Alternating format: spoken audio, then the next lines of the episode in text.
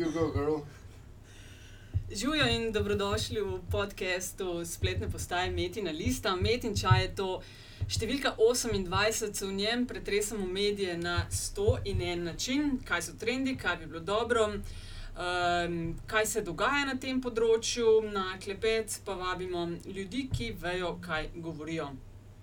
Podcast kuhava skupaj Aljaš Pengal Bitens in Nataša Briški, Pengovski in DC43 na Twitterju. Uh, hvala vsem za podporo, naš metin čaj lahko najdete na iTunesih, uh, lahko poslušate preko spletne strani. Um, Aljaš, nič 28 je številka in medka finally goes EU. Ja, ne, 28 članic, 28 metka. Ni na ključi. Ne. Ni na ključi. In ne, treba je povedati, da tudi uh, datum objave tega pogovora. Ne, lahko bi bil na ključi, ampak deva se dela, da ni. Ne, to je vse plansko. Klele Ja. noč ni, da bi se iz danes na jutro delali. To so. Uh, Ker nekaj dni še, ne, potem pa um, visoka predstavnica za skupno zunanjo politiko Evropske unije. Sem prav povedal? Skoraj. Skoraj. Ne, za zunanje zadeve in A- a- varnostno a- a- politiko. A to dvoje združeno, a ni to? Še bolj kompliciranje. Visoka predstavnica Evropske unije za zunanje zadeve in varnostno politiko in podpredsednica Evropske komisije. Ja, točno, še ta dodatek je. Catherine Ashton, Catherine Ashton. Uh, Ki ni najna gostja, Ja, ne? ker ne zna slovensko. ampak the next best thing. ja, the next best thing z nama v studiu zdaj. Uh, tiskovna predstavnica, visoke predstavnice in podpredsednice, uh, gospa Maja Kocijančič, dobrodošla. Hvala, živijo. Nagradno Ja. vprašanje takoj na začetku, koliko telefonov ima s sabo tiskovna predstavnica ene tako pomembne osebe? Uh, uh, uh, jaz, sem, jaz, sem, jaz, sem. Ajde. Enega premalo. Vedno, verjetno ne. Maja, Točno. Koliko telefonov na premalo. dan dobiš? Um, imam dva službena telefona, um, ki na, sem pa tja zvonijo redko, bolj običajno pa zvonijo non-stop. To je non-stop, da je uh, na uro, na minuto. To pomeni, na... ja, ja, v najbolj intenzivnih in recimo obdobjih, rec, med 11 in 6 popoldne, recimo, ponavadi zvonijo dva ali več hkrati. Ker če sem v pisarni, zvoni tudi tisto v pisarni. Tako da um, tempo je kar intenziven. In v koliko jezikih komuniciraš? Uh, Um, delovna jezika sta v institucijah, sploh pa kar se tiče zunanje in varnostne politike, angleščina in francoščina. Um, jaz pa komuniciram še v jezikih, ki jih znam. Um, zelo prav mi pride, recimo, to, kar čemu smo včasih rev- rekli, srbo-hrvaščina, pa je zdaj v mojem primeru balena mešanica jezikov regije. Um, zato, ker veliko delam z novinarji iz regije, obč- včasih govorim slovensko, tako kot zdaj. Um, potem pa občasno tudi malo nemščine in italijanščine, to pa odvisno od sogovornikov, čeprav moja italijanščina je že zelo zarjavela. A te uh, kolegi, novinari in novinarke, aj vsaj za vikend mir, kdaj je bila zadnja nedelja brez telefonskega klica? Um, običajno, mislim, sistem imamo tako postavljen, da je, da je čez vsak vikend vedno nekdo dežuren, kar pomeni, da tisti vikend pač delaš in to je lahko delo od jutra do večera, včasih tudi vikendi, ki so bolj mirni. Uh, včasih je pa tudi tako, da so te teme ali področja, s katerimi uh, ti konkretno delaš. Um, tako vroča, recimo letos je za, v mojem primeru to kriza z Ukrajino, um, da prve mesece leta sploh nisem imela nobenega prostega vikenda. A zdaj si pa v Sloveniji na dopustu, če te prav. Zdaj sem pa v Sloveniji na tedne. dopustu. Ja. Uh, ampak ta dopust, veš, da sem šla gledat tvoj uh, Twitter handle, Ja. to si kar še gor prisotna. Nič A ja, seveda. gor? Ne, v bistvu je tako, da imamo sistem postavljen tako, da Twitter nikoli ne spine. Uh, kar pomeni, da če fizično dejansko nisi v pisarni ali pa potuješ, tiste stvari, uh, za katere si odgovoren, še, še vedno tečejo s podporo uh, tima, ki ga imamo in se ukvarja s socialnimi mediji. No in preden se zakopljeva čisto res, kako deluje, kakšni so tvoji dnevi, kako je biti predstavnica tiskovna, po kakšnem kriteriju delite intervjuje ali pa ne delite intervjuje. Uh, Daj povej še malo, vi ste se v bistvu ta, to ni urad, kako se reče, pisarna, je pravilno. Um, to, to, kar je v bistvu visoka zunanja predstavnica vzpostavila, se imenuje Evropska zunanja služba po slovensko, drugače je to European External Action Service uh, v, po angliško. Uh, je neke vrste služba um, evropskih institucij, ki se ukvarja z zunanje političnimi temami. Um, na nek način zelo, zelo, zelo posplošeno je to kot neke vrste zunanje ministrstvo Evropske unije, čeprav, kot sem rekla, je to zelo uh, posplošeno rečeno. Um, ampak seveda, ker je ona, uh, ima dve, dva klobuka na glavi, je, uh, je vezana tudi na Evropsko komisijo, ker je prva podpredsednica Evropske komisije. No, to me je zato zanimalo. Kako zelo izrabljate, ko so že govorili o Twitterju, kako zelo izrabljate družbeno mrežo? Ker, če se prav spomnim, ste se relativno pozno priklopili. Um, v bistvu jih uporabljamo zelo. Um, dejstvo pa je, da je Evropska zunanja služba začela kot Evropska zunanja služba delati šele za začetkom leta 2011. Uh, kar pomeni, da je trajalo nekaj časa, so, da so se recimo te čisto osnovne stvari, vključno s socialnimi mediji, vzpostavile. Uh, prej smo pač imeli uh, uh, platforme, ki, jih, ki sta jih vzpostavila Evropska komisija in svet, ampak dokler Evropska zunanja služba pravno formalno ni obstajala, se, se tega ni dal narediti. Visoka predstavnica bi lahko imela Twitter kot podpredsednica komisije, ampak to v bistvu ni v celoti odražalo razpona in obsega nalog, ki jih ima. Uh, tako da se je sama odločila, da bo šele potem, ko bo uh, v bistvu ta njena prva prioriteta, vzpostavitev zunanje službe, uh, na nek način saj prišla skozi prvo fazo, da bo takrat postala aktivna na socialnih medijih. In zdaj imamo na glavnem. Akontu, mislim, da skoraj 70 tisoč followerjev na dveh spokes-akountih, eden je bil vzpostavljen istočasno, uh, Uh, jih imamo, mislim, da 16 tisoč, na tem, ki ga pa jaz osebno tudi uporabljam, sker ga sama tudi vidim, pa 9 tisoč, pa še malo. Ja, ni, ni slabo. Um, Za spoksa, recimo v mojem primeru, je to kar v redu. Ja. Kaj, kako imajo drugi? Uh, moj... Konkurenti v tem pogledu. Mislim, da je to. Ja. Ali se dobite, Mislim... se dobite zjutraj, pa reče en reče, da imamo 10 ur. Ne. Ne, v bistvu ne, je tako. V bistvu, ne, um, za, za te, recimo, če se ukvarjaš z zunanjo politiko, si po defaultu bolj izpostavljen. Pa če imaš tvite, ki so politični, recimo, um, ti po defaultu bolj sledijo, zaradi tega, ker um, si zanimiv za novinarje, zanimiv si za blogerje, zanimiv si za vse te, ki so res aktivni. Uh, uh, v, uh, v, social, v, v različnih socialnih omrežjih, ker, ker v bistvu pomagaš ustvarjati zgodbe. Uh, Uh, in um, je v bistvu potem razmeroma lahko, če si ti, recimo, tiskovnik, predstavnik nekoga, ki se ukvarja z politiko, ki je mogoče zanimiva za zelo, zelo osko nišo. Čeprav v celi Evropski uniji je seveda to drugače, zunanja politika je pa taka, da ponavadi uh, cel svet uh, zanima na nek način. Mm. Maja, ti si bila včasih uh, dopisnica STA iz Bruslja. Uh, Uh, po izobrazbi si novinarka? To... Po izobrazbi sem novinarka. novinarka. Uh, Pol si bila med predsedovanjem in tudi prej že govorka ne, našega predstavništva uh, v Bruslju. Kako si dobila ta položaj, to funkcijo? Um, v bistvu drži, da sem začela uh, kariero kot novinarka in sicer na slovenski tiskovni agenciji in sem delala kar precej let tudi le v Sloveniji.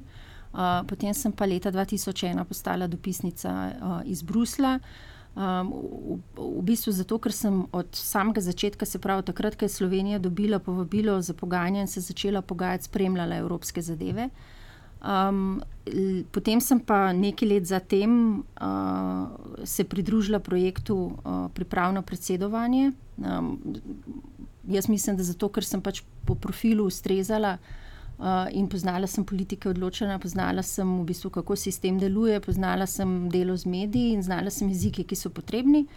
Uh, in to mi je v koncu, uh, recimo konc leta 2009, prineslo povabilo uh, na pogovor z visoko predstavnico oziroma najprej njenim šefom kabineta. A to se ni z nikamor prijavilo, to je prav direkt vabilo bilo? Um, v resnici, v mojem primeru, uh, ja.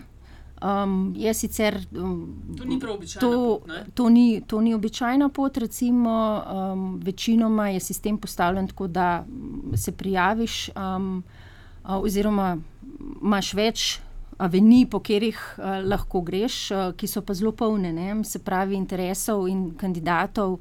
Uh, je zelo veliko, v mojem primeru je bilo bolj tako, da sem imela jaz res uh, srečo in da so oni do mene prišli. Uh, zato, ker sem, sem bila tak profil, ki so ga iskali, in potem po teh pogovorih uh, sem, sem mu pač tudi ponudili uh, ta položaj, na katerem sem še zdaj. In to od 2009 naprej. Uh, uradno, sem začela, uradno sem začela leta 2000, v začetku 2010, se pravi, zdaj sem že peto leto tam. Danes kaj takega ne bi bilo več možno. Ja, jaz mislim, da bomo jeseni videli, ne, kako se bodo stvari peljale naprej. Mislim, ne, ne. A... Kar se tiče, bom rekel, čisto svojega kariernega uh, uspona in prodora, in tako dalje. Ne, te zgodnji dnevi, viš odkrivanja, um, priklapljanja institucij, institucijam in tako dalje. Se mi zdi, ker tudi nekaj poznam te zgodbe a, a, na drugih nivojih, ne, a, a, e, m, evrokratov, grdo rečem. Uh -huh. um, se mi zdi, se mi zdite, ne, te, te prvi, uh, eni pionirji, ki ste, ne, bom rekel, lahko nekako fast trackali uh, skozi, skozi institucije, tudi zaradi, mislim, zaradi, zaradi manjšega bazena, kjer je bilo lahko zajemati, zaradi potrebe. Ne. Danes se mi zdi, da uh, vrata so še vedno enako velika, ne samo množica, ki hoče v, v te um, čuvene evropske službe, je pa že skoraj nepregledna. Ne. Uh, mogoče na nek način, predvsem zato, ker je zraslo število držav članic, ampak ne pozabimo, da Evropska unija obstaja že precej dlje kot je Slovenija njena članica. Uh, in da je bil interes, predvsem v nekaterih državah članicah, tudi pred, tudi pred, slovensko, pred slovenskim vstopom, precej velik.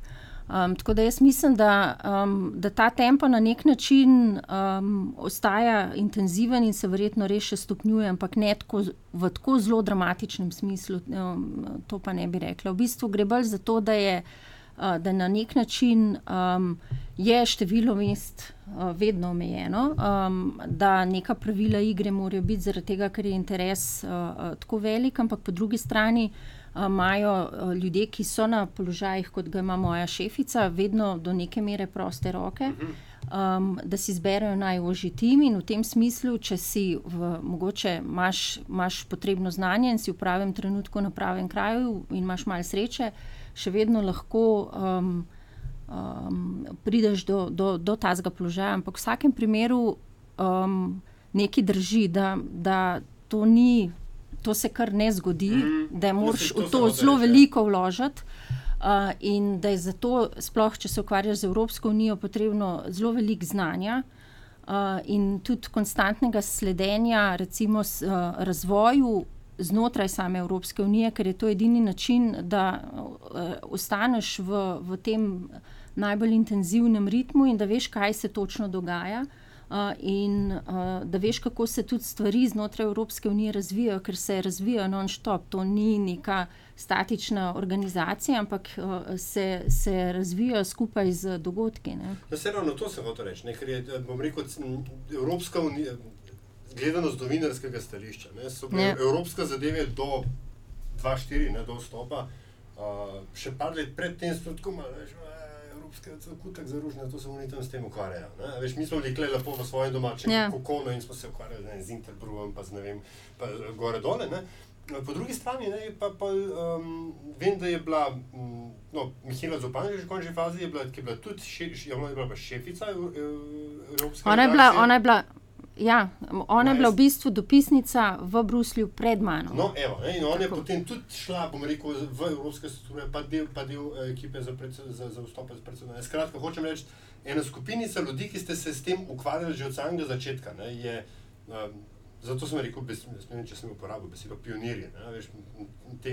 Mogoče, ja, se razumem. Iz tega vidika, no, se hoče reči. Razumem, da... ampak zato je v bistvu bilo tudi takrat potrebna odločitev ja, in ja, potrebna ja. investicija. Dost več v bistvu poguma, kot bi ga človek danes potreboval. Ja, jaz se spomnim, da recimo takrat, ko sem jaz to začela delati, med mojimi kolegi praktično ni bilo nobenega interesa. No. In se spomnim, da recimo. V, Da, tistih davnih časih, ko je Komisija za evropske zadeve bila odprta, mislim, da je takrat vozil, vodil Lojze Peterle, da sem ponavadi sedela.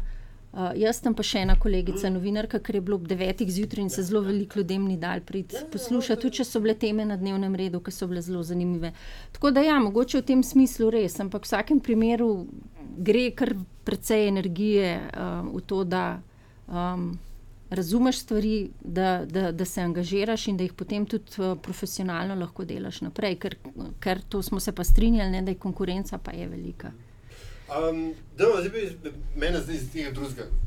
Me mogoče nekaj stvari zanimajo. Uh, mi smo v v Blatnem dolu dosta razvajeni. Pridete na novinarsko konferenco, zdaj ali se poznate ali se ne poznate, na neki točki dvigneš roko, postaviš vprašanje in on ti mora odgovoriti. In če ti ne odgovori, seveda narediš mast naslov, ne, ni komentiral. A je neka hierarhija, ko imaš ti, kako vem, vodiš uh, novinarsko ali pa izjavo za javnost, pa karkoli, a se ve, kdo sploh lahko postavi vprašanje? Um, ne, načeloma je situacija zelo jasna v Bruslju. Bruselj je največje evropsko uh, novinarsko središče.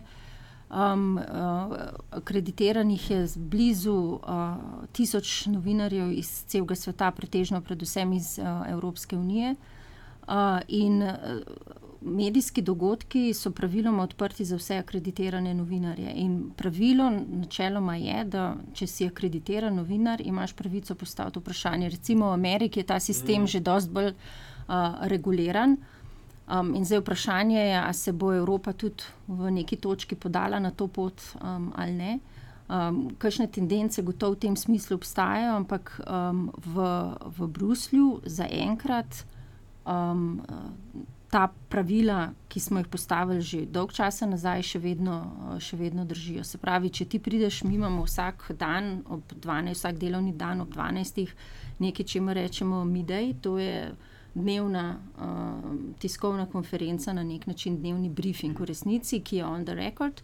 In tam načeloma vsak novinar, ki je akreditiran, lahko tudi tisti, ki pridejo noter um, kot novinari za enkratni obisk, imajo pravico postaviti vprašanje. Lahko se seveda zgodi, da ti postavijo vprašanje, na kjer ga nimaš odgovora. In zdaj, če jim je res veliko do tega, da bi dejansko dobili odgovor, te lahko prej pokličejo in rečejo: Mene pa to res zanima, se lahko ti pozanimaš, pa mi na midijo daš odgovor, ker delam za to, pa to televizijo in te moram posneti. In v tem smislu, recimo, um, je to je na nek način ustaljena praksa, da, da na, naša glavna naloga v resnici je, da če se le da, predstavimo stališče, ki ga imamo, uh, in se javno opredelimo do ene zadeve. Včasih se seveda zgodi, da pač več kot um, ne vem, nekaj vzeti na znanje uh, in reči, da zadevo preučujemo, ne moramo. Ampak dejstvo je, da, da osnovno, osnovno pravilo je, da če se le da. Odgovoriš na vprašanje, če tudi mogoče je vprašanje ali pa odgovor ni čist, um, odgovor, ki bi bil dokončen v tem smislu, ampak je neke vrste mi temu v angleščini rečemo holding line. Ok, ampak uh, se pravi, ni nič takšnega, kar sem recimo videl v Beli hiši za prvi dve vrsti sedežni red. Za vsako ne. televizijo. Ne. Nič takšnega, kot da se točno ve, kdo ima pravico prvih pet vprašanj postaviti.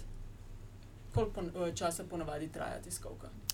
Um, ni, ni, ko, kot, sem, kot sem rekla, ni, uh, ni takih pravil.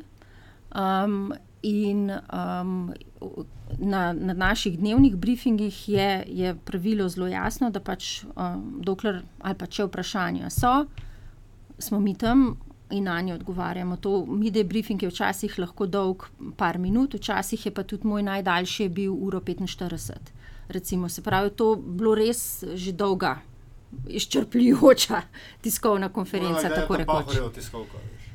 Um, Tukaj lahko rečeš nekaj. Pol pa, pol pa, recimo, pa so pa drugi primeri, ko je seveda čas bolj omejen kot v našem smislu. Recimo, uh, če ima moja šefica, visoka predstavnica, tiskovno konferenco po zaključenem zasedanju zunanjih ministrov, njena tiskovka pa ponavadi ni dolga uro 45, ampak je, je dolga mogoče recimo 20. 20 minut v povprečju, kar pomeni, da si ona vzame nekaj minut, da predstavi glavne zaključke in odgovori na nekaj vprašanj. Tukaj je običajno situacija taka, da, da pač je več vprašanj, kot je njenih odgovorov, ampak pravilo ostaja isto v tem smislu, da dvigneš roko in če si ta prvi, si tisti, ki dobi vprašanje. Ok, ampak kdo ga zbere? Si ti tista, ki veš, ko se roke gor dvignejo in se jih dvigne, ne vem, sto rok, ali si ti tista, ki pa pokažeš ti, ker tako sem jaz bila, recimo, videla na zunaj, kar sem bila na Ja. večjih dogodkih. Ja. Ok, po katerem ključu pa ti pol zbereš, kdo bo dobil? Um, recimo, da jaz to počnem že zelo dolgo časa in sem že zelo um, uh, sposobna zelo, zelo, zelo hitro videti, kdo je tisti, ki je ta prvi. Tudi različne, seveda, tehnike obstajajo. Če ti hočeš res ta prvi dobiti vprašanje, lahko nakažeš interes že dost prej. Lahko se usedeš čisto spredi, pa takoj dvigneš roko. Če se ozedeš recimo v skrajni kot dvorane in potem misliš, da te bo tam po petih minutah mm. nekdo zbral, te seveda ne bo. Ne? To, to so tudi um, recimo taktike, ki jih novinari zelo dobro poznajo. Ne? Sej mi imamo v končni fazi za te redne zadeve bolj ali manj iste novinarje v dvorani. In, um, Kakšna je udeležba, koliko jih pride? Um, 150, odvisno, 20. recimo zelo, zelo odvisno od na, na velike zadeve jih pride mm, 100 in več, um, na manjše zadeve jih imamo tudi samo recimo 20-30. Um, zelo, zelo je odvisno. Mislim, največji, največji taki medijski dogodki, ki sem jih jaz dala skozi, v resnici nis, niti niso bili v, Blusju, v Bruslju, so bili bolj na teh poteh. Recimo, ko smo imeli prvi obisk v Gazi, sicer to je bilo že leta 2010, ne zdaj. Um, takrat so nas tako rekoč skoraj um, uh, pohodili. Um, ali pa recimo, ko smo bili uh, letos v Ukrajini, ne, je bil interes tak, da, da tam, kjer smo imeli tiskovno, ni šlo fizično več ljudi v sobo, da je bilo um, tako, tako nabito polno, da, da res, če bi koga še na strop obesili, mogoče bi še šlo. No. Ampak uh, dejansko to, te poti so tiste, kjer se mi zdi, da je interes uh, še vedno večji, ker v Bruslu, Bruselj je na nek način uh, specifičen, da je uh, v tem smislu, da je. Um, Uh, sicer novinarjev veliko, ampak je tudi tistih, ki, ki novinarjem lahko dajo informacije veliko. Vse institucije imajo svoje preslužbe, uh, plus zelo velik je interes držav članic samih in tudi recimo tretjih držav. Države kot so Rusija, recimo tudi redno briefinge organizirajo in predstavljajo svoje stališča, ker jim je seveda v interesu, da novinari iz celega sveta ki so zbrani v Bruslju, predstav, da njim predstavijo tudi to, kako oni sami vidijo te stvari. Tako da je recimo konkurenca, kar se informacij tiče, zelo velika in je konkurenca za novinarje in za portparole. Survival of the fastest. Ja. Um, Včasih tudi to je. Ja. Nekaj bi nek, nekoč dejal, da ta prav uh, press officer ne, ve, kaj bo njegov šef rekel, še pred njegov šef ve, da bo to rekel. ja, včasih to drži. Kdaj te je tvoja šefica ujela na levi nogi? Um, sem pa tja se, se zgodi, predvsem zato, ker um, včasih ne veš čisto vsega, pa te lahko um, preseneti kakšno vprašanje ali pa kakšno pričakovanje. Ampak načeloma je sistem tako postavljen, pa tudi, um, če hočeš preživeti v takem sistemu, se moraš znati zelo hitro obrniti. In, in to je recimo eno od, osnovni, eno od osnovnih uh, načel, ki se jih moraš držati, ker če se ne obrneš takoj, ali pa recimo, da uh, uh, se ne prilagodiš situaciji dovolj hitro, um, se bo situacija premaknila naprej brez tebe. Ne? Veš, kaj sem jaz opažala tudi na tiskovkah v Washingtonu? Ne? Washington je, recimo, pa še deset let nazaj bila Amerika še mogoče močnejši status kot danes. Ne? Vse, kar so tam povedali, tudi tiskovni predstavniki, je bilo zelo pomembno in se je znašlo takoj na naslovnicah, ponavadi uh, vseh časopisov po vsem svetu in televiziji. Skratka, zelo pomembna je bila tudi sama formulacija stavkov. Ja. Uh, kakšno frko imaš ti, ko greš na tako tiskovko? Veš, ko včasih se ne spomniš, uh -huh. mogoče kakšnega izraza, uh, pozabiš, kaj je ustaljena fraza. Uh, koliko je to naporno, pa koliko zelo um, vem, resno pograbijo ali pa interpretirajo drugače, kot je mogoče mišljeno. Mislim, načeloma se mi uh, čez dopoledne skozi različne sestanke, um, kot tim, ne, ne samo kot posamezniki, pripravimo na ta uh, midej, oziroma na celo vrsto drugih briefingov, ki jih tudi imamo, ali organiziramo z drugimi govorci, ali pa delamo sami. Um, kar pomeni, uh, da poskušaš pač ob tem, da veš, kje so najbolj aktualne krize, da veš, kje se recimo stvari dogajajo najbolj intenzivno, se pripraviti in predvideti možno vprašanja, um, tako da te stvari v resnici ne presenetijo. In za kakšne stvari, recimo uh, ukrajinska kriza, ko Evropska unija enkrat definira stališče, sploh če ga definira na ravni ministrov, zunanjih ministrov ali pa na ravni predsednikov vlad in držav, potem to kar nekaj časa stoji, ker, ker se seveda ne bo čez noč spremenilo. Ne? Uh, in je pol to tista ustano, ustaljena ali pa basic line, ki ga uporabljaš, uh, ko odgovarjaš na vprašanja. Um, uh, zdaj se ti pa zgodi, in to je čisto normalno, da dobiš vprašanja, ki jih nisi predvidel, ali mogoče zato, ker um, je nekdo čist vem, v zadnjem trenutku dobil navodilo redakcije, prosim, vprašaj to, ali se je stvar glihkar zgodila. Um, ali, ali je pa ne vem, kakšen gostujoč novinar en teden v Bruslu in hoče svoje zgodbe ustvariti, in te tudi sprašuje stvari, um, mogoče celo iz čist nacionalnega vidika, in, in pač um, moraš to ukalkulirati v, v odgovor. Tako da načeloma imamo definiran policy line za vse stvari. Um, se ti pa seveda lahko zelo hitro zgodi, da na podiju, sploh če, če, uporabi, če odgovoriš na mečkan drugačen način, če ne držiš čisi iz gatona, da se takoj že med vrsticami bere razlike, kaj si točno rekel, kaj nisi rekel. Recimo, um, da, te, da te vprašajo, in to je bilo letos spomladi zelo aktualno, kdo bo vrščen na uh, listo tistih, ki jih bo Evropska unija sankcionirala um, zaradi krize v Ukrajini. In standardni line je seveda, da dokler ta odločitev ni sprejeta, niti ne moreš uh, komentirati, ampak. Med, na način, kako ti odgovarjaš, lahko potem novinari razberejo, bo en posameznik gor na tej listi, ali ne bo, ali je sploh recimo, predmet tega, da bi države članice razpravljale ali ga uvrstiti ali ne. In, in to seveda je um, pol skreira zgodbe, ki jih ti ni, v resnici niti nisi pričakoval. Um, in grejo pa vse agencije, jih takoj poberejo. Ne? In potem je ta efekt uh, širjenja um, izrazito hiter. Se mi je pa recimo tudi v preteklosti en, ena taka lušna anekdota, uh, ko se je, preden se je libijska kriza začela. Ne? Um, in, in Libija še zdaleč ni bila ta prva država uh, v uh, Severni Afriki, ki, ki, je, um, bila, recimo, ki je šla v fazo arabske pomladi. Sem dobila enkrat čist po naključju, že zelo pozen, na koncu mi je vprašanje, kakšno je naše stališče o, o, o, o tem, kaj se dogaja v, v Libiji. Uh, in jaz v bistvu sem vedela, da smo definirali basic line, ga, ga pa nisem imela pred sabo, pa še v francoščini je bilo. In sem pač potem rekla, da okay, to so ključne točke, sem odgovorila s temi ključnimi točkami. In točke so, bile, so vse stale, ampak v Tripoliju so bili pa ogorčeni, da je tiskovni predstavnik rekel to, pa to, pa to, in so poklicali um, lokalno predsedstvo, ki je bilo takrat, mislim, da Mačarska, na zagovor še isto popovdne, zaradi tega, kar sem jaz rekla ob 12. v Bruslu. Tako da, da, da je efekt je, je, je zelo hiter. Ne? In to, če se pogovarjamo o največjih krizah sveta, um, je seveda to lahko obrne, uh, obrne situacijo. Um, mogoče so v primerljivi situaciji samo še kolegi, ki se ukvarjajo z gospodarskimi in finančnimi vprašanji, kjer recimo če, če uh, portparol na Mideu reče eno zadevo, se lahko situacija Polka, na trgu, finančnem trgu spremeni.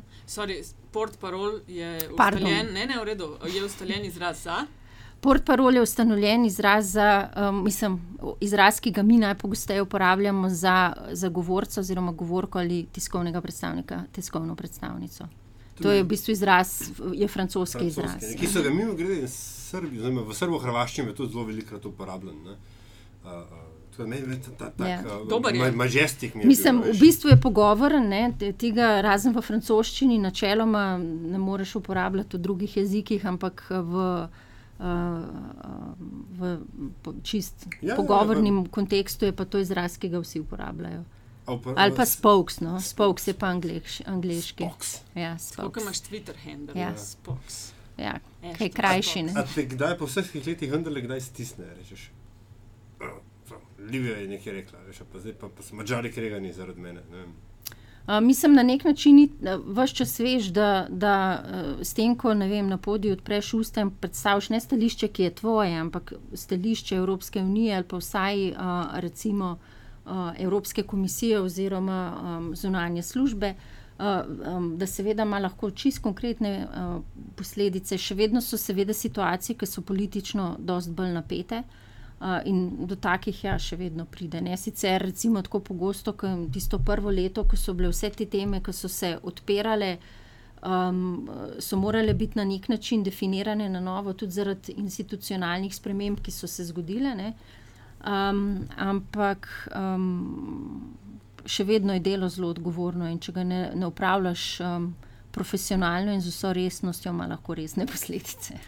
Um, da se malo na to, bom rekel, z vidika medijskega, medijskega od, od, odnosa medijev ne, do, do, do tvoje funkcije, pa do funkcije tvoje šefice. Včasih se tako zdi, da. Uh, Ker si na začetku rekel, da sem se zmotil ne, za, uh -huh. za mhm. poimenovanje. Ne. Včasih se je zelo fino zdelo, da je zunanja ministrica Evropske unije dejala. Ne. In potem reče, da Evropa nima enotne zunanje politike, ker imamo še vedno 28 nacionalnih politik. Ne. Po drugi strani, ko je, ko je treba pa uh, govoriti, da ta Evropa itak ni nič vredna, ne pa ven. Mislim, po eni strani, ko je treba reči, da Evropa ni vredna da ni od nje nobene koristi. Imamo zunanjo ministrico, ki sploh nima lastnega mnenja, po drugi strani pa kaj pa bomo zdaj, se vendar imamo zunanjo ministrico, ne? Uh, zakaj svojega dela ne upravlja, itd. itd. Kako se ti, kako ti handlaš to, bom rekel, da je biti odkrita dvoličnost ne? medijske obravnave. Ne samo nešto, ne samo skupne zunanje službe, tudi vseh ostalih evropskih institucij. Ne, se to je v bistvu fenomen, ki se vsak dan tako rekoč pojavlja na tak ali drugačen način način, da, da, da, je, da smo doskrat obtoženi, da ne delamo dovolj, drugič delamo pa preveč, preveč ker v nacionalno suverenost. Na, na tanko tako. tako da, Um, v resnici jaz vidim um, evropsko zunanjo ali pa skupno zunanjo in varnostno politiko bolj v tem smislu, da je to um, politika, ki dopolnjuje nacionalne politike in jih tudi povezuje. Se pravi, uh, je tista, ki definira interes, ki je skupen čisto vsem. In v svetu, v katerem živimo, ki je maksimalno globaliziran in kjer v bistvu uh, so odločajo veliki, ne, je to za Evropsko unijo iz, izjemno pomembno. Zaradi tega, ker Evropska unija je kot uh, uh, Evropska unija močnejša kot posamezne države članice in kot, ali pa tudi kot skupek posameznih držav članic. Uh, zaradi tega, ker predstavlja recimo neko uniformno ali pa dogovorjeno politiko, in, in, uh, ki je definirana za strani vseh. In to je recimo, če pogledamo bližnji vzhodni mirovni proces. Tukaj je Evropska unija.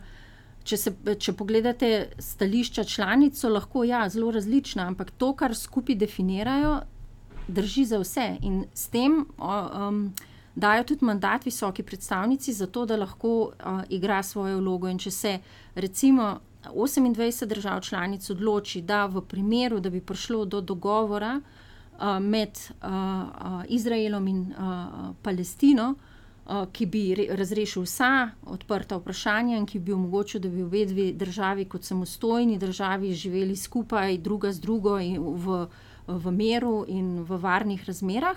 Da bo v tem primeru Evropska unija a, ponudila posebno privilegirano partnerstvo, tako eni kot drugi strani, in da bojo to, to in to in to elementi tega, je to v bistvu nekaj, kar lahko naredi samo Evropska unija. To ne more nobena država članica sama tako zanimive ponudbe dati.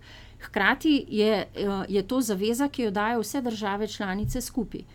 Uh, in v tem smislu um, jaz v resnici vidim evropsko zunanjo politiko. Evropska zunanja, ambicija evropske zunanje politike ni nadomestiti nacionalne politike držav članic. Te, te obstajajo in um, uh, pogodba, kot je definirana, jim to tudi zagotavlja. Hkrati so se pa vse države članice ravno zaradi teh interesov, o, smo, o katerih smo že govorili, dogovorile, da bojo definirale tudi. Uh, skupni pristop in za vprašanja, kot so recimo, ki so globalne narave, je to še posebej pomembno.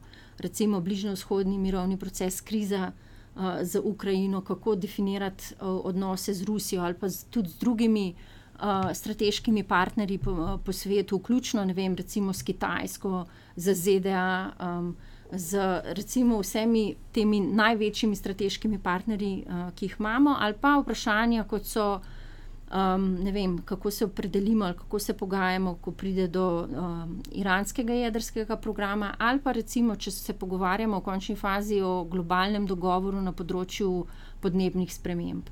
Evropska unija preprosto za ta največja vprašanja mora nastopati skupaj, Ok, ker je to- s tem To močnejša. je zdaj ta tako zvani holding line. To je- Ne, ne, ma- ne, ne, manjši- ne, ne, ne, manjši ne, ne, To je ja, speech. Ne, ne, Ja. ne, ne, to ni holding line, to je, to je dejstvo in to je dejstvo, ki se v bistvu pokaže tudi uh, v realnosti, uh, ko se o teh stvarih pogovarjamo. Ne, ne, ne. vsi se strinjam, ampak jaz sem te v bistvu vprašal nekaj drugega. Kako okay. ti reagiraš, ko v bistvu dobiš, ne vem, v sredo en medij, ki vas uh, pač v klipingu, okay. ki vas en berejta, da delate ful preveč, in v četrtek ta isti medij. To je lepa beseda, berej. To, to, Lepa, slo, lepa slovenska Lepa beseda. slovenska Ja. beseda. Vidiš, ne samo, da obstaja Juringliš, obstaja tudi Slovengliš. To moramo večkrat, ta je odlična. berejte. Okay.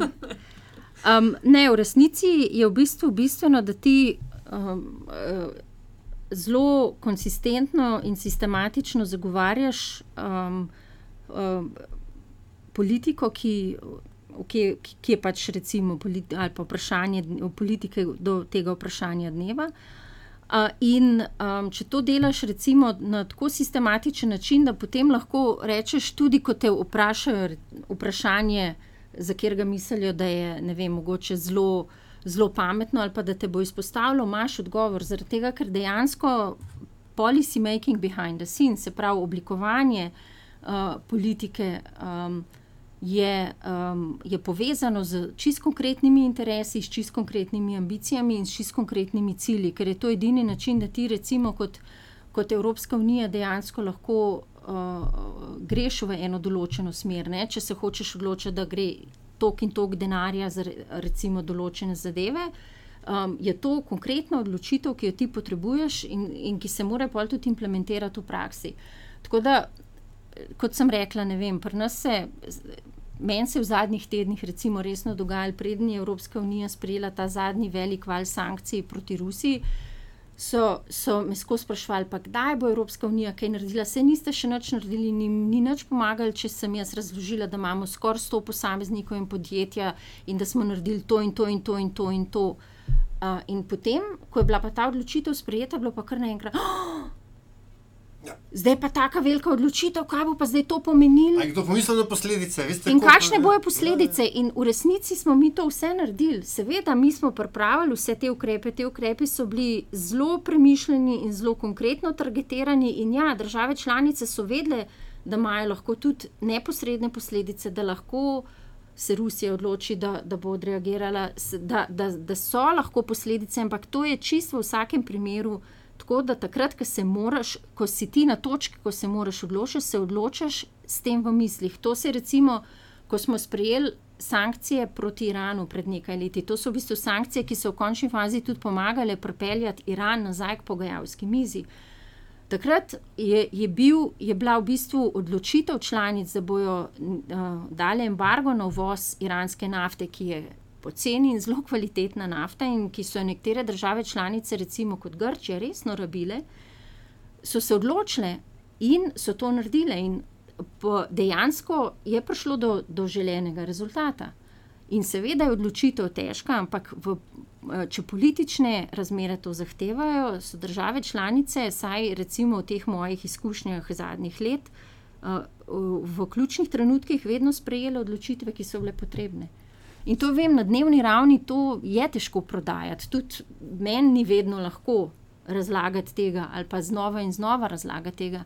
Ampak recimo za te, ki spremljajo zunanjo politiko, lahko na podlagi in konkretnih korakov in političnih sporočil, ki so definirane v poziciji, lahko to recimo zelo jasno vidijo. No. Stopna potrpežljivosti Nataša mora biti na take poziciji Ja. enormna. To, eh, ker je gotovo veliko vprašanj takih, ki skušajo provocirati, ki skušajo dobiti malo bolj takšne konkretnejše odgovore, oziroma karkoli si kdo predstavlja pod to. Eh, kako se, se š- držiš pesti pod mizo? Ali, eh, Ne, v, v bistvu. Imaš kaj za Ne, ne, ne, ne, ne. V, bistvu, v bistvu moraš samo obdržati, um, mislim, ostati na stališčih, ki jih predstavljaš. To, to, ni, to, to, je, to je v bistvu del tvoje službe. Ti moraš predstavljati stališča, Evropske unije na, na način, ki je pač razumljiv, kar ni vedno lahko, uh, ker pač je Evropska unija razmeroma komplicirana. Um, in uh, na način, ki je dovolj prepričljiv, da ti ljudje dejansko verjamejo. Ampak policy line je vedno definiran in ti si, ti si ga v tem smislu dolžen predstavljati. In ja, včasih so ljudje, so novinari, ki recimo postanejo zelo ali nezadovoljni, ali agresivni, ali se ne strinjajo s tabo, ali ti postavljajo e, eno in isto vprašanje na 25 različnih načinov, ampak dejstvo je, da, da če je stališče tako, je tako in, in ga moraš na. na Točno tak način predstaviti, ne moreš ne vem, na, na podiju kar začeti improvizirati in si izmišljati nekih Skratka, novih pozicij. Nisi izgubila živcev. Mislim, da ne. Nikoli se ti ni odpeljal, mal pa si koga mal. Mislim, v vsakem primeru um, na, na, med, med službo se mi to nikoli ni zgodilo. Uh, še kar dramatično je Maja uh, dobiti intervjuje s uh, visokimi predstavniki, predsedniki najmočnejših držav.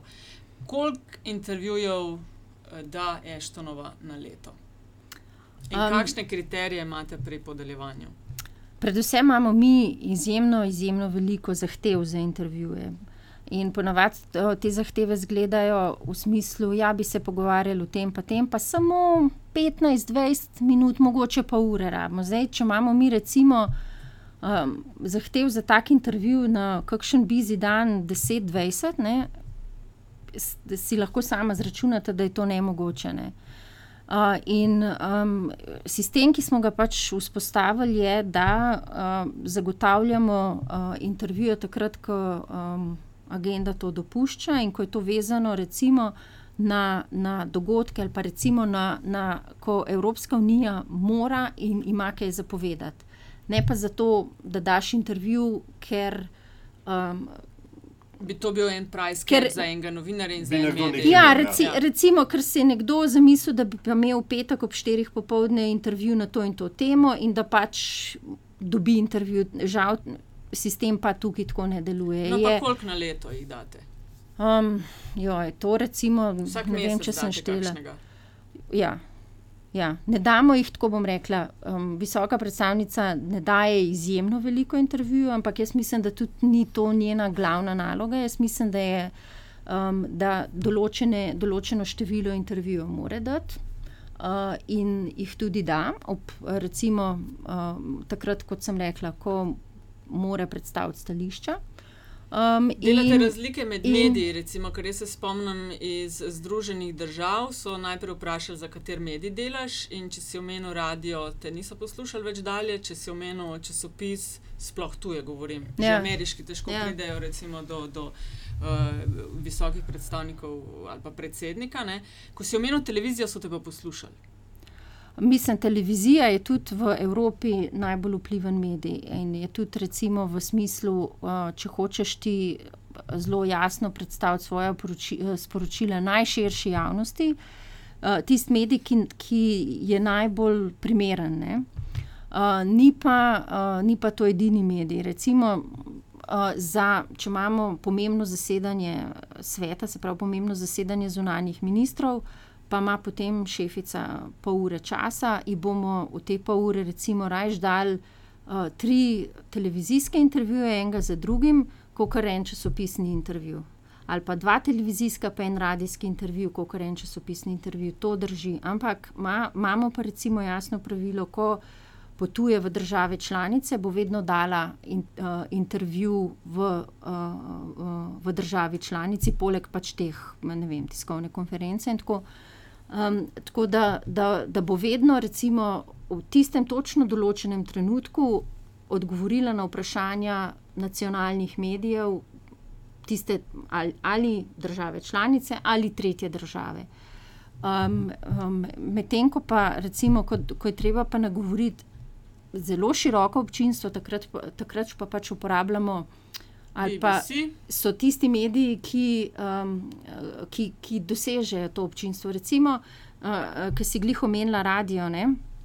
Uh, zdaj, v primeru um, ukrajinske krize, imamo radio, Radio Svobodna Evropa, um, Radio Free Europe, Radio Liberty, ki je v, ne samo v Ukrajini ali pa v um, Rusiji, ampak po celi po celi tej vzhodni regiji izrazito močen in je to radio, ki, ki je pač v, v tem kontekstu izjemno pomemben uh, medij, tudi za recimo nas. Jaz se ne spomnim, ali jaš, je kater slovenski medij že imel z Eštonovo uh, intervju. Uh, hmm.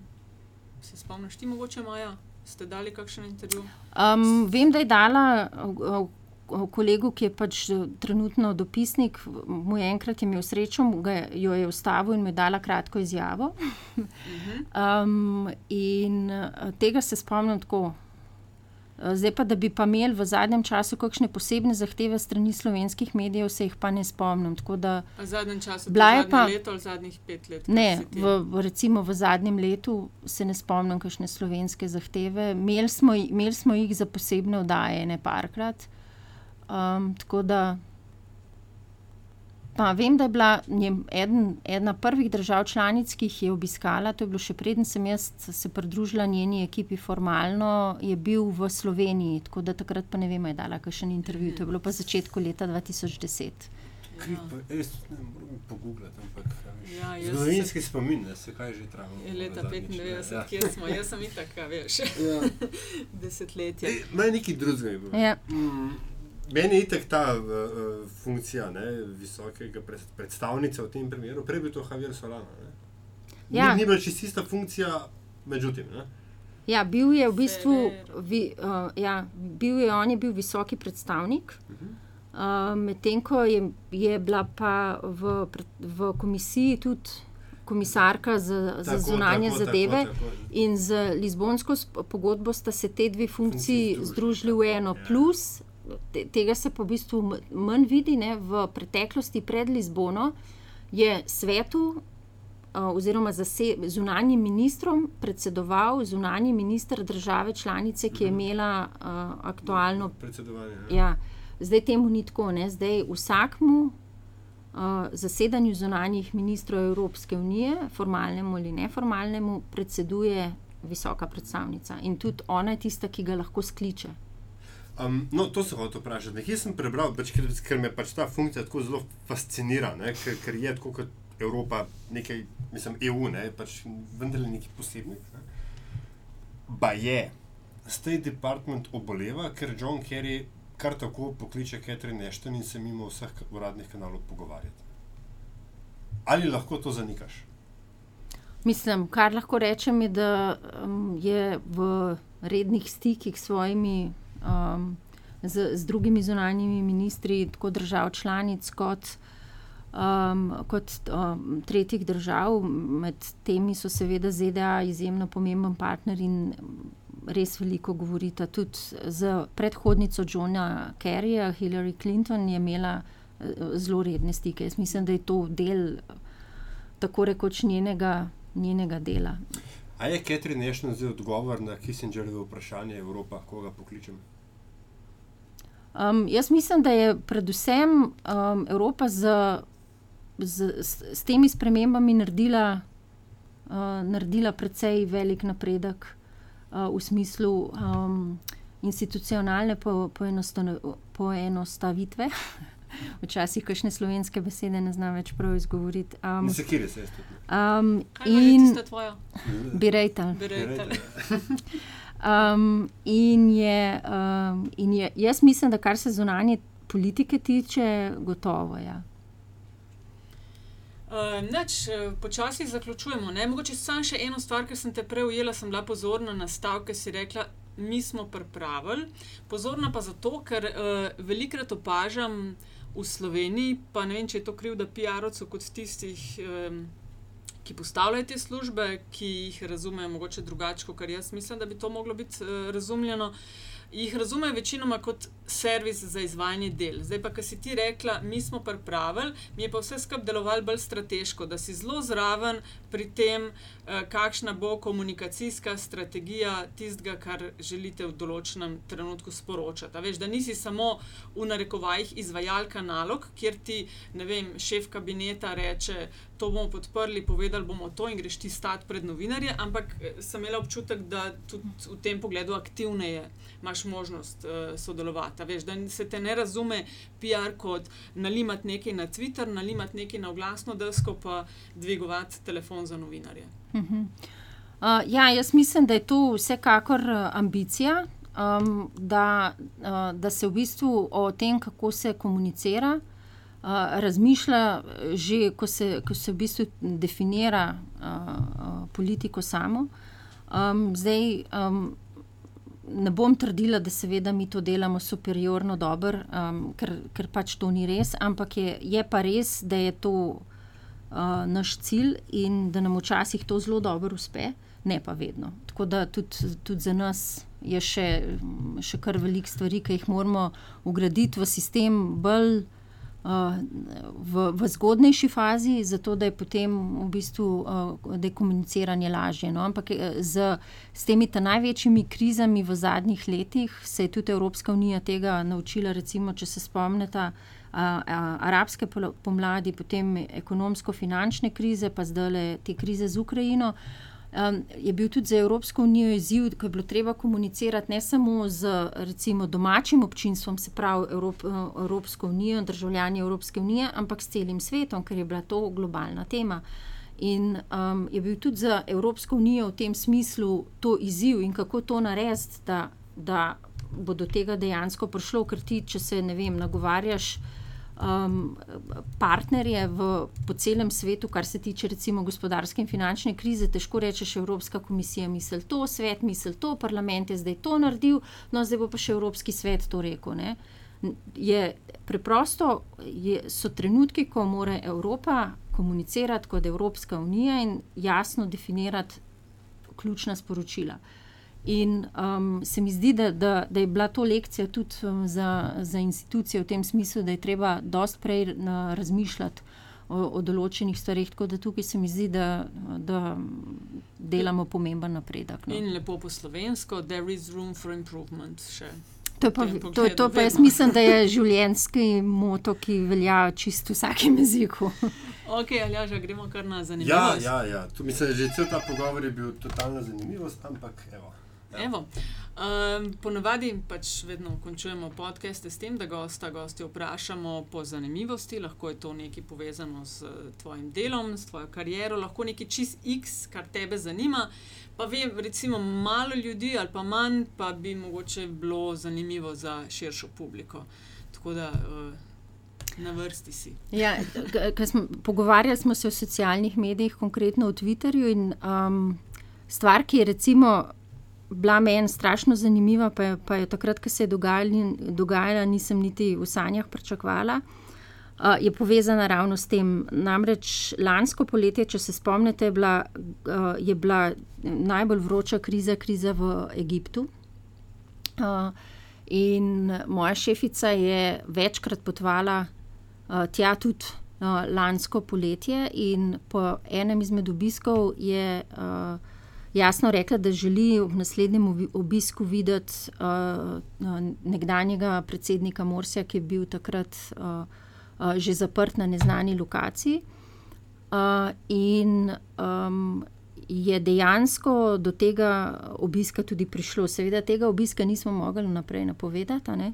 Uh, pa, in, in tudi, ko ga je videla, je, je bilo to res uh, v zelo posebnih okoliščinah.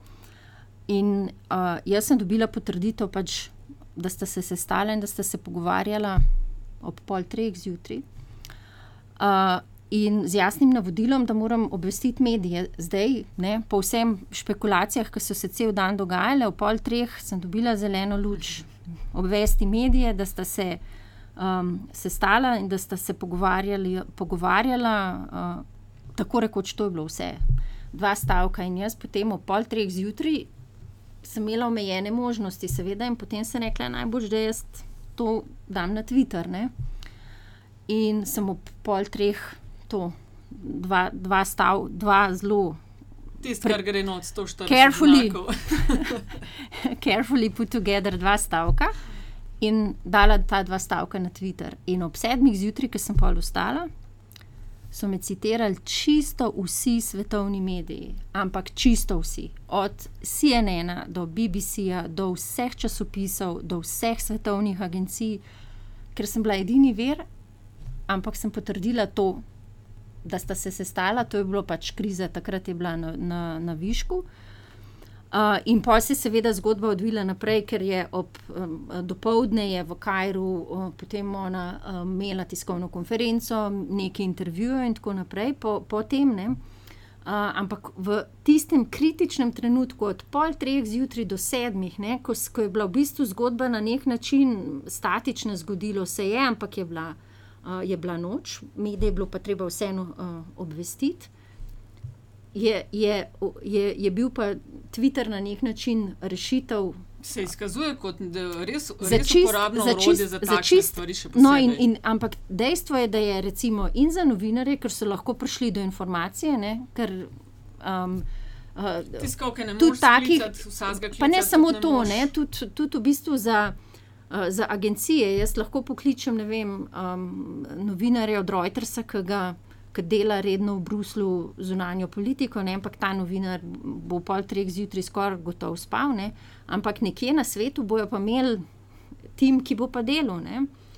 Uh, in um, gre potem, sve, uh, seveda, jaz tega ob pol treh zjutraj ne morem kar tako pogruntati. No. Uh, in um, je tudi za nas, ne, port parole, um, super oro, orodje in, in za novinarje. Tako da recimo uh, v ta virtualni ali pa svet socialnih medijev v, v, v Bruslu, konkretno ali pa tako rekoč globalno, je izrazito dinamičen. In to se meni zdi res um, zanimiv in zelo konkreten dokaz tega, um, kakšno moč dejansko Twitter ima. In, in ne, še za, za zaključek, od, od pol treh zjutraj do sedmih sem dobila, vem, preko, preko, samo v tem obdobju preko tisoč novih followerjev, tako in tako. Pa da ne, da ne govorimo o, o številu retweetov. Koliko, koliko? Ja, retweetov se ne spomnim. Spomnim se pa tega, da ko sem šla spat, pa do takrat, ko sem vstala zjutraj, pa sem pogledala, kaj se dogaja, je, je bilo precej impresivno. No. Bomo poskusili najti ta tweet. Uh, Twitter je malce slab z arhivom. Ne? Zdaj ima nekaj advanced search, da se. Ja, da Ja. se. No, bilo je konec julija lani. Konc julija lani. Ja, Uh, mislim, da je bil, wow. ali je bil 31, 30, 31 julij, mislim, da je bilo nekaj tasga. Lepa, ne? Aljaž? Lepa, lepa. Lepa. Uh, ok, Maja, najlepša ti hvala. Zdaj Eštonovi se izteka mandat, ti ostajaš v Bruslju, uh, prehajaš v Slovenijo. Jaz Ne. zaenkrat ostajam v Bruslju. Si pa želiš priti eh, kdaj v Slovenijo? Kakšne so ambicije? Mislim, bomo videli. Jaz, jaz te opcije seveda sploh ne izključujem, ker se mi zdi, da je zunanja politika zanimiva iz uh, veliko vidikov, tudi iz nacionalnega. Um, ampak nimam pa še točno definiranega odgovora na to vprašanje. V- Naslednje leto ga bom imela, sem Okej. okay. prepričana. Follow-up sledi. Hvala. Um, Nekaj, hvala vama. Ja, uh, torej, ne, če ste uživali in morda biti kaj novega izvedeli o poslušanju podcasta Met in Čaj, bomo veseli vaše podpore v različnih oblikah. Komentarji in kako bi bili lahko še boljši, dobrodošli tudi na infoafnametinalista.si. Če želite ustvarjanje podcasta in vsebin na metini listi finančno podpreti, pa lahko to storite na povezavi, priloženi na spletni strani. Prisegamo, da z vašimi investicijami ne bomo financirali pornografskih kanalov, ne bomo se šli tajkunskega odkupa metine liste in tudi ne razmišljamo o prevzemu PopTV-ja. Hvala. Hvala.